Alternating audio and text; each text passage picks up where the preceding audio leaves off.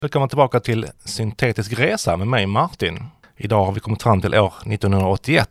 1981 så debuterar Kim Wilde med singeln Kids in America. MTV börjar sända musikvideor 24 timmar om dygnet. Och ABBA släpper albumet The Visitors.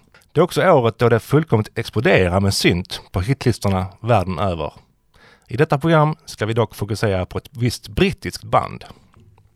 Depeche Mode bildades i den lilla staden Basildon öster om London. Medlemmarna bestod av Martin Gore, Andy Fletcher och Vince Clark.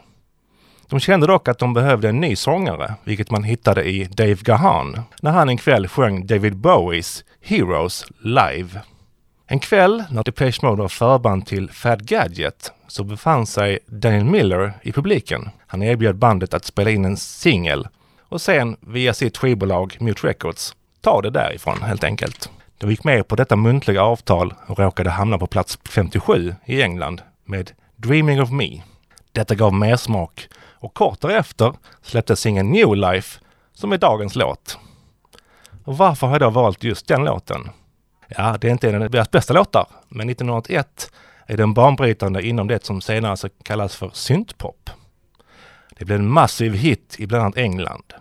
Depeche släppte senare samma år albumet Speak and Spell och resten är, som man brukar säga, historia.